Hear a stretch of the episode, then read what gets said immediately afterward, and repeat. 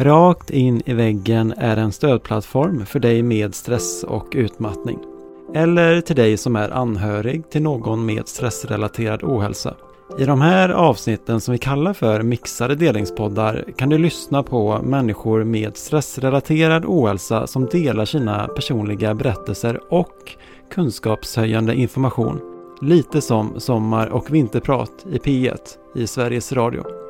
Prenumerera, recensera och betygsätt oss gärna på vår hemsida, iTunes eller i din poddapp så att andra vet att vi finns. Vi önskar dig en givande lyssning och tack för att du lyssnar.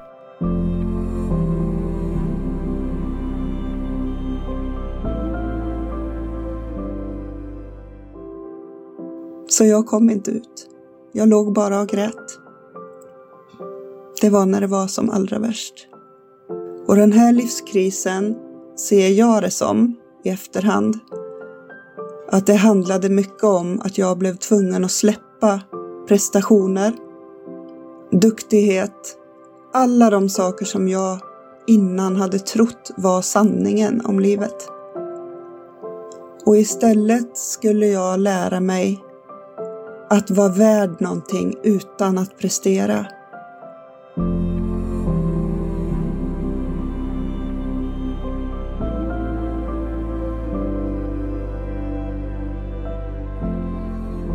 Hej! Jag heter Sara och jag är en helt vanlig tjej på 49 år som har kanske råkat lite illa ut i livet. Så kanske man kan beskriva det. Idag mår jag bra. Idag har jag livsenergi och jag känner mig stark och frisk. Men jag pratade med en kompis häromdagen som påminde mig om hur det faktiskt var när jag var som sjukast. När jag låg i fosterställning och bara grät. Och det hade jag nästan glömt. Och då började jag också tänka på hur motigt allting var, hur jag kunde vakna mitt i natten och inte hitta ut ur mitt sovrum. Hur jag hade mardrömmar som var hemska, riktig dödsångest hade jag. Eh, det här var för åtta och ett halvt år sedan ungefär. Och innan det inser jag ju i efterhand så har jag ju kämpat väldigt hårt för att hålla upp en fasad, för att vara duktig, för att fortsätta prestera, för att vara på topp. Och den här fasaden har ju inte hållit det har ju brakat. Men jag har inte sett... Jag upplever att jag bar på en väldigt stor sorg och ilska och bitterhet över att man inte hade fått lära sig att ta hand om sig i skolan eller av föräldrar eller överhuvudtaget. Att man liksom gjorde sig själv så illa innan man förstod. Och jag var ändå 46 år innan jag kom på hur jag skulle ta mig ur det här. Då hade jag legat där på botten och krälat några år. Um, och det tänker jag att man inte ska behöva göra om man får verktygen och förutsättningarna i tid. Och jag tänker på alla ungdomar idag som växer upp och inte vet hur man tar hand om sig. Så till alla dem och till alla kvinnor i min ålder som sitter i samma situation på gränsen till att bli utmattad eller som redan har varit utmattad eller är utmattad just nu vänder jag mig med den här historien. Som sagt, det började redan när jag var liten. Jag ser på gamla foton och jag ser en mycket allvarlig, inbunden, ganska osäker tjej på de där bilderna. Och jag minns, eller där jag minns, från jag var liten var att jag faktiskt inte vågade säga vad jag tyckte. Jag vågade inte tala om om det var något jag inte gillade eller något jag inte ville göra, utan jag lärde mig väldigt tidigt att jag var duktig om jag stod ut, bet ihop, gjorde som andra sa till mig och såg till att alla andra mådde bra runt omkring mig. Och det där förstår vi ju idag, att det var inte hållbart i längden. Jag hade mycket känslor, men jag höll dem inom mig. Tills jag blev tonåring. Ungefär. Då behövde allt det här ut och jag hade känslor som var enormt starka. Och jag visste inte hur jag skulle hantera dem. Och min upplevelse är att de vuxna runt omkring mig inte heller visste hur man skulle hantera starka känslor. Så jag fick ut dem på alla möjliga konstiga sätt. Och det jag lärde mig när jag var väldigt liten redan, det var att äta. För det dämpade mina känslor. Jag tog till maten som tröst eller som ångestdämpning. Så väldigt tidigt gick jag i frysen och käkade upp alla småkakor och allt jag kunde hitta i skåpen. Jag tänker att jag vill se på mitt liv som olika livskriser. Att när jag var 20, mellan 20 och 30, då flyttade jag hemifrån och skulle hitta mig själv på något sätt. Börja leva ensam. Ehm. Och det där var i sig en livskris. Jag började gå på Viktväktarna, för jag började gå upp i vikt. Jag tog ju som sagt till maten och det gjorde jag ju då också. Och när jag flyttade hemifrån så hade jag liksom ingen som styrde hur mycket jag åt utan jag kunde ju springa till pizzerian hur ofta jag ville. Så det där blev ju en fälla. Och jag började gå på alla de här dieterna, niterna. Jag föll för dem och trodde att det här var sanningen. För de är ju duktiga på att göra reklam. Och jag gick på det här många gånger genom livet. Och varje gång fick jag ju fina resultat. Jag gick ju ner i vikt. Men det jag vet idag är ju, då är det ju helt naturligt att jag förstår att det där höll ju inte. När jag fyllde 30 så träffade jag min nuvarande man och jag skulle mellan 30 och 40 gå igenom en ny livskris. Eller man behöver ju inte kalla det kris, det, var ju en, det är ju en förändring.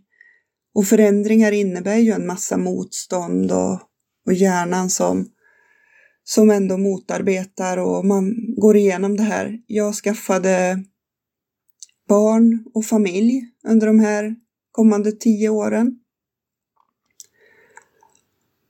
Och då hjälpte det ju inte längre att prestera på ett jobb och sådär, utan då skulle man ju också vara mamma. Och det klarade jag inte av speciellt bra, skulle jag vilja påstå. Alla de där kraven som ställdes på mig och jag förstod inte. Jag kan ärligt säga, jag förstod inte vad som krävdes av mig som mamma. Jag har inte haft en uppväxt med en mamma som har funnits där känslomässigt. Och jag var ganska förvirrad och vilsen när mina barn föddes. För jag förstod inte riktigt hur jag känslomässigt skulle ta till mig dem. Och det här tog några år innan jag kraschade då. När jag var 41 blev jag sjukskriven på riktigt för utmattning. Och då började en ny fas i mitt liv. En ny livskris. Så mellan åren, åren mellan 40 och 50, som jag ju fortfarande är inne på faktiskt, men, men som har ändrats eh, mitt i, eller någonstans där. Men i alla fall då, vid 41, så kom nästa livskris och det var ju att inte kunna prestera längre som jag hade ändå på något vis eh, lutat mig mot och tänkt att om jag presterar så är jag ändå bra nog. Om jag alltid jobbar hårt och bidrar och är duktig och presterar, då är jag godkänd som människa. Och när jag sen inte klarade av att göra det, utan jag som sagt låg som en blöt fläck på golvet, jag kan inte förklara det på något bättre sätt. Jag hade inte möjlighet att göra någonting. Jag vet att andra människor försökte vara schyssta och ge mig råd. De sa till mig, ja men gå ut lite varje dag. Få lite solljus i ögonen. Gå till brevlådan och tillbaks. Men det var ju helt omöjligt. För då var jag tvungen att ta på mig skor först. För att sen ta mig över tröskeln. Och det blev två steg för mycket. Så jag kom inte ut. Jag låg bara och grät. Det var när det var som allra värst. Och den här livskrisen ser jag det som i efterhand att det handlade mycket om att jag blev tvungen att släppa prestationer, Ah, duktighet, alla de saker som jag innan hade trott var sanningen om livet. Och istället skulle jag lära mig att vara värd någonting utan att prestera. Och de här åren som jag var här hemma, sjukskriven, min upplevelse av att behöva gå till doktorn gång på gång och förnedra mig, tala om för doktorn hur dålig jag var, hur värdelös jag var och att jag inte kunde göra någonting, att jag inte klarade av att ta på mig skorna och gå utanför dörren. När jag blev lite bättre och jag klarade av att gå ut, då klarade jag inte av att ta en dusch samma dag. Så det var att börja välja och prioritera. Och det var helt nytt för mig. Jag kände mig totalt värdelös. Och det tog några år. Jag kämpade med alla krav jag fick från arbetsgivare. Börja arbetsträna igen. Vi hittar nya arbeten till dig. Vad tror du att du kommer att kunna jobba med? Och jag försökte. Gudarna ska veta att jag försökte. Jag började jobba pyttelite, jag försökte att inte stressa, jag försökte att inte prestera, jag försökte. Men som det är med allting som man försöker att inte göra, så var det det enda jag fokuserade på. Om jag kunde bli tillräckligt duglig igen, om jag kunde prestera tillräckligt mycket igen för att duga åt mig själv, åt andra. Om jag ändå kunde bli frisk igen. Och jag säger frisk och gör sådana här eh, citationstecken med händerna samtidigt. För det jag tänker idag, med den vetskap jag har idag, det är att min kropp faktiskt var frisk. Friskare än någonsin. När den sa stopp, sluta spring. Ta hand om dig. Börja lyssna inåt. Börja lyssna på din kropp. Börja se vad som händer. Om du börjar lyssna på dig och ta hand om dig. Det här var någonting som var helt nytt för mig. Nu gjorde jag någonting som nog är det modigaste jag har gjort i hela mitt liv. Jag sa upp mig för jag kände att jag orkade inte längre försöka arbetsträna, försöka passa in i den här samhällsmallen som vi alla ska in i för att vara normala, godkända, accepterade, perfekta, anpassningsbara, flexibla. Ja, alla de där orden. Jag sa fuck it. Jag kan inte vara kvar i det här. Jag kan inte springa till Försäkringskassan och förnedra mig mer. Jag kan inte gå på a-kassa med alla de krav som fanns där. Jag kan inte gå till doktorn och förnedra mig mer, tala om hur dålig jag är. Det här gör mig inte friskare. Så jag beslutade mig för att lämna hela skiten. Jag sa upp mig. Jag sa nej tack till SGI, a-kassa, försäkringar, facket, vaccinationer, allt.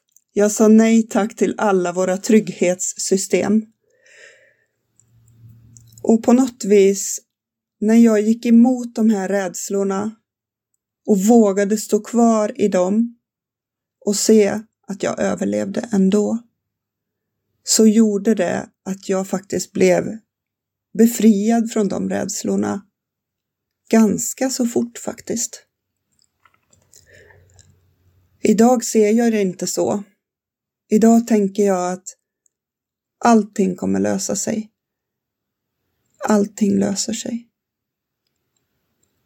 Och jag inser att jag har gått i det här ekorrhjulet, i det här allting som jag fick lära mig när jag var liten. Allting som jag fick lära mig av samhället. Att liksom vara i den här, jobba heltid, ha barn och familj, klara av allt, ha almanackan fullproppad. Ehm, att det, var, det är liksom någonstans normen. Och det är det vi ser upp till, de människorna som klarar av att göra det här. Och jag tycker idag att det är helt sjukt. Och att faktiskt min kropp var helt frisk. Som sa ifrån. Jag gick där några år. Här hemma, kämpade på, försökte på egen hand att ta mig upp ur den här utmattningen. Jag försökte med att vila. Som ju alla vet som har varit utmattade så går det inte att vila bort. Utan man behöver hitta balanser på alla andra sätt.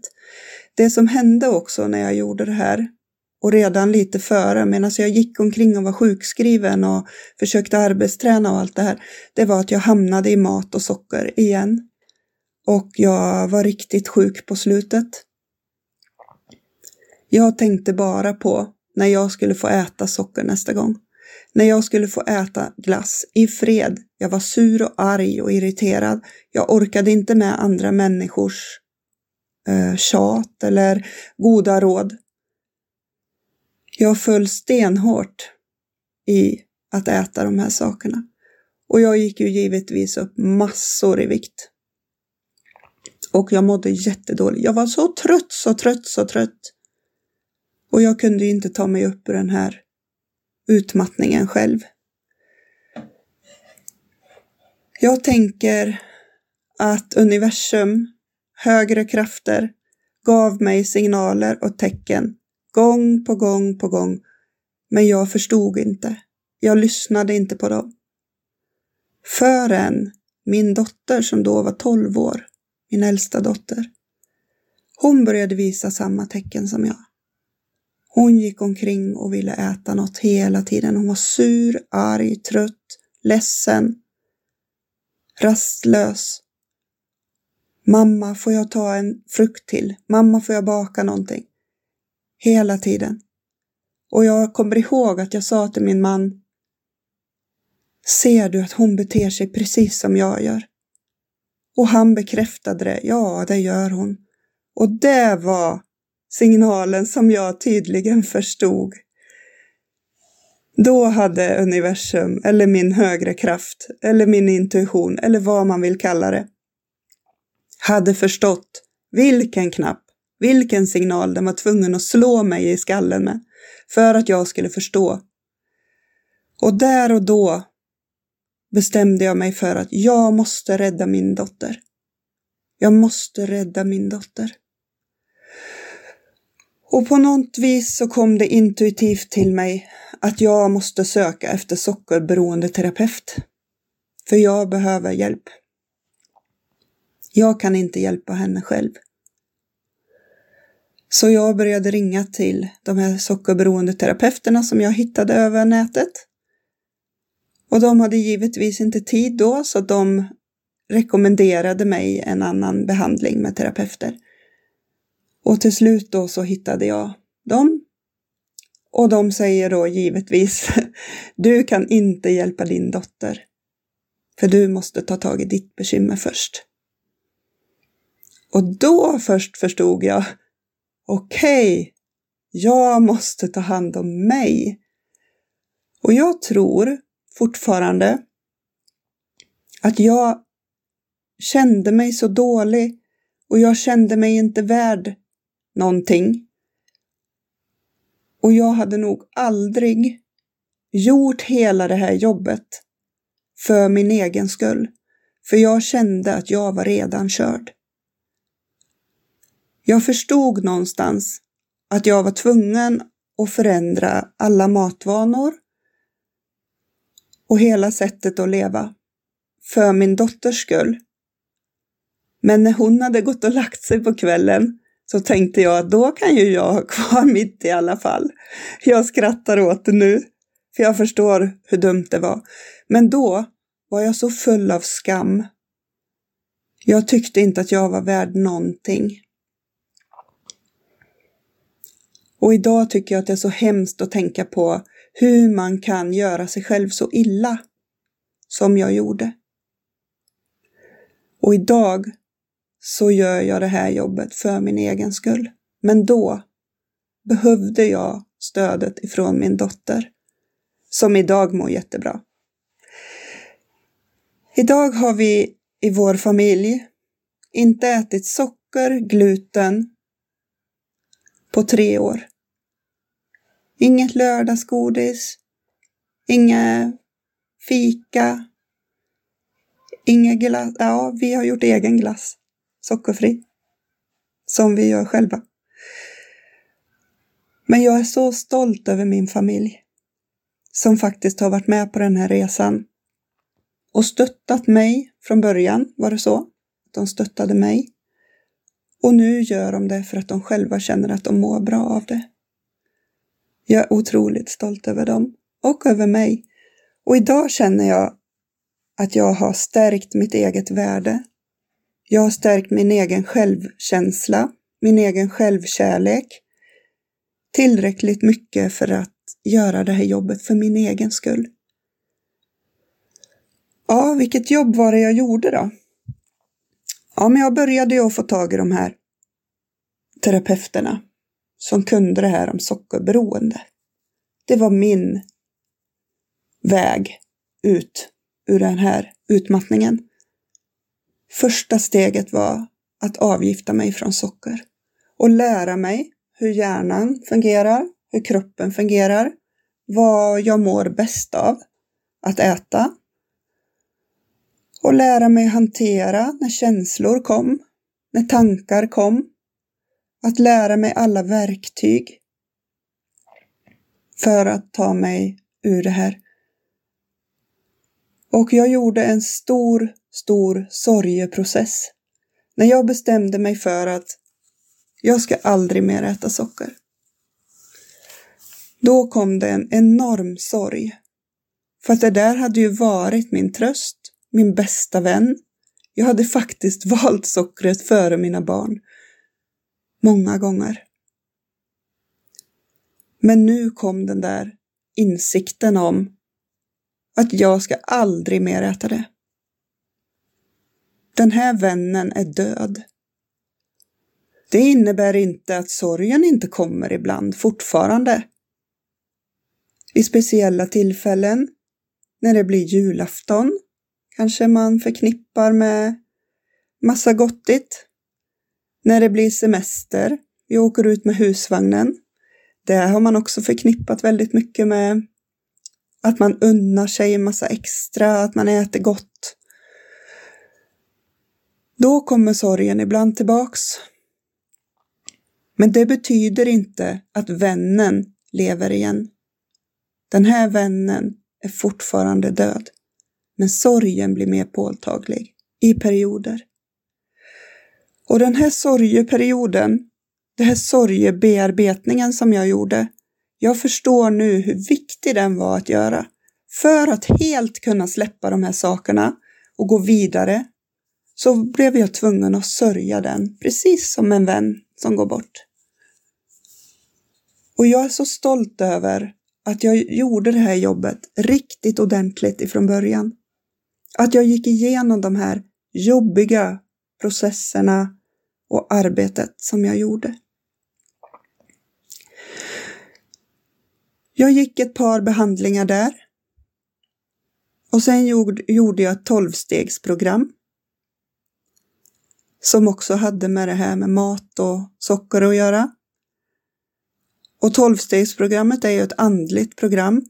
Det här hjälpte mig jättemycket att hitta nya sidor av mig själv, att hitta in i mitt innersta och börja förstå vad jag är värd.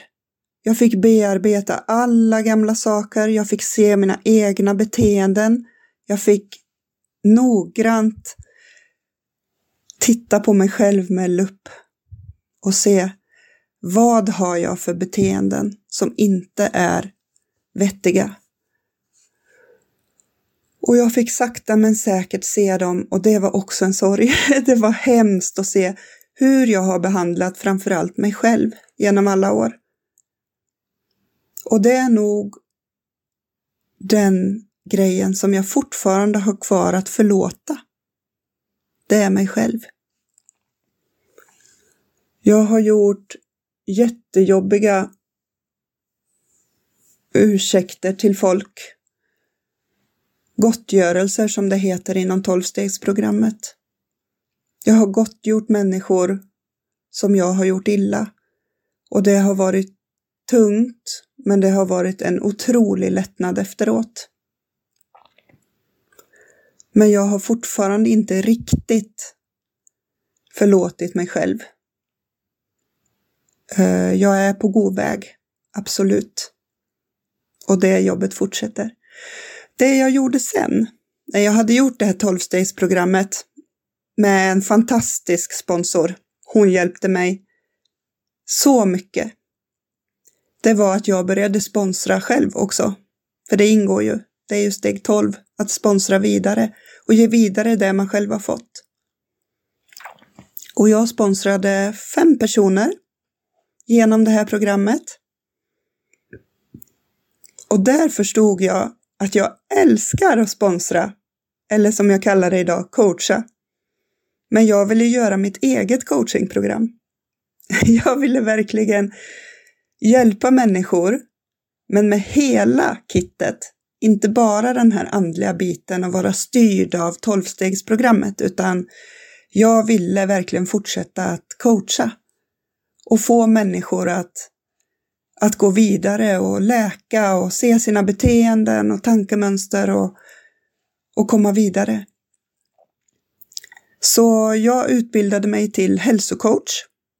För jag tänkte det här måste ju vara vägen att gå. och det där var roligt. För jag ställdes till svars för många nya erfarenheter och massor av saker som jag kände att jag lärde mig så otroligt mycket om mig själv under den här utbildningen. Inte bara lärde jag mig vad som händer i kroppen när man gör olika saker, utan jag lärde mig så himla mycket att börja lyssna på min egen kropp. Det var magiskt. Jag är så glad och stolt att jag gjorde den här utbildningen. Sen gick jag faktiskt fler kurser på det här sockerberoende eh, skolan. Så jag gick skamkurs och lärde mig om skam och fick bearbeta min egen skam. Och det där var hemskt viktigt. Massor med gamla sår blev jag medvetna om. Och jag fick jobba med dem. Jag fick sörja. Jag fick processa.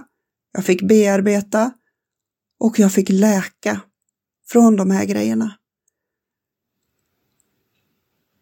Det var ett stort steg i rätt riktning för mig. Och sen bestämde jag mig då för att nu vill jag dela detta med fler. Nu vill jag hjälpa fler människor att hitta ut ur utmattning, att hitta ut ur sockerberoende, att hitta ut ur dåligt mående, att hitta ut ur prestationer, ekorrhjul, glädjelös tillvaro, ett liv i mellanmjölk. Helt enkelt. Jag vill visa människor att det går att leva och verkligen vakna varje morgon. Ja, nästan varje morgon. Och känna en glädje över livet och känna en nyfikenhet på vad livet ska ge. Att känna en förundran över allt som finns runt omkring oss som lever, djur och natur. Att vara mer närvarande i livet, i livets alla skeden och inte fastna i prestationer. För när man gör det så kan man inte känna tacksamhet och glädje. Det här är det viktigaste som jag vill förmedla till dig som lyssnar, till alla er som går där och balanserar på gränsen. Jobba med ditt självvärde. Jobba med din självkänsla. Jobba med din självkärlek. Så att du kommer ur det här prestationssamhället som vi har. Det går att gå in i situationer med en ny inställning. Mm.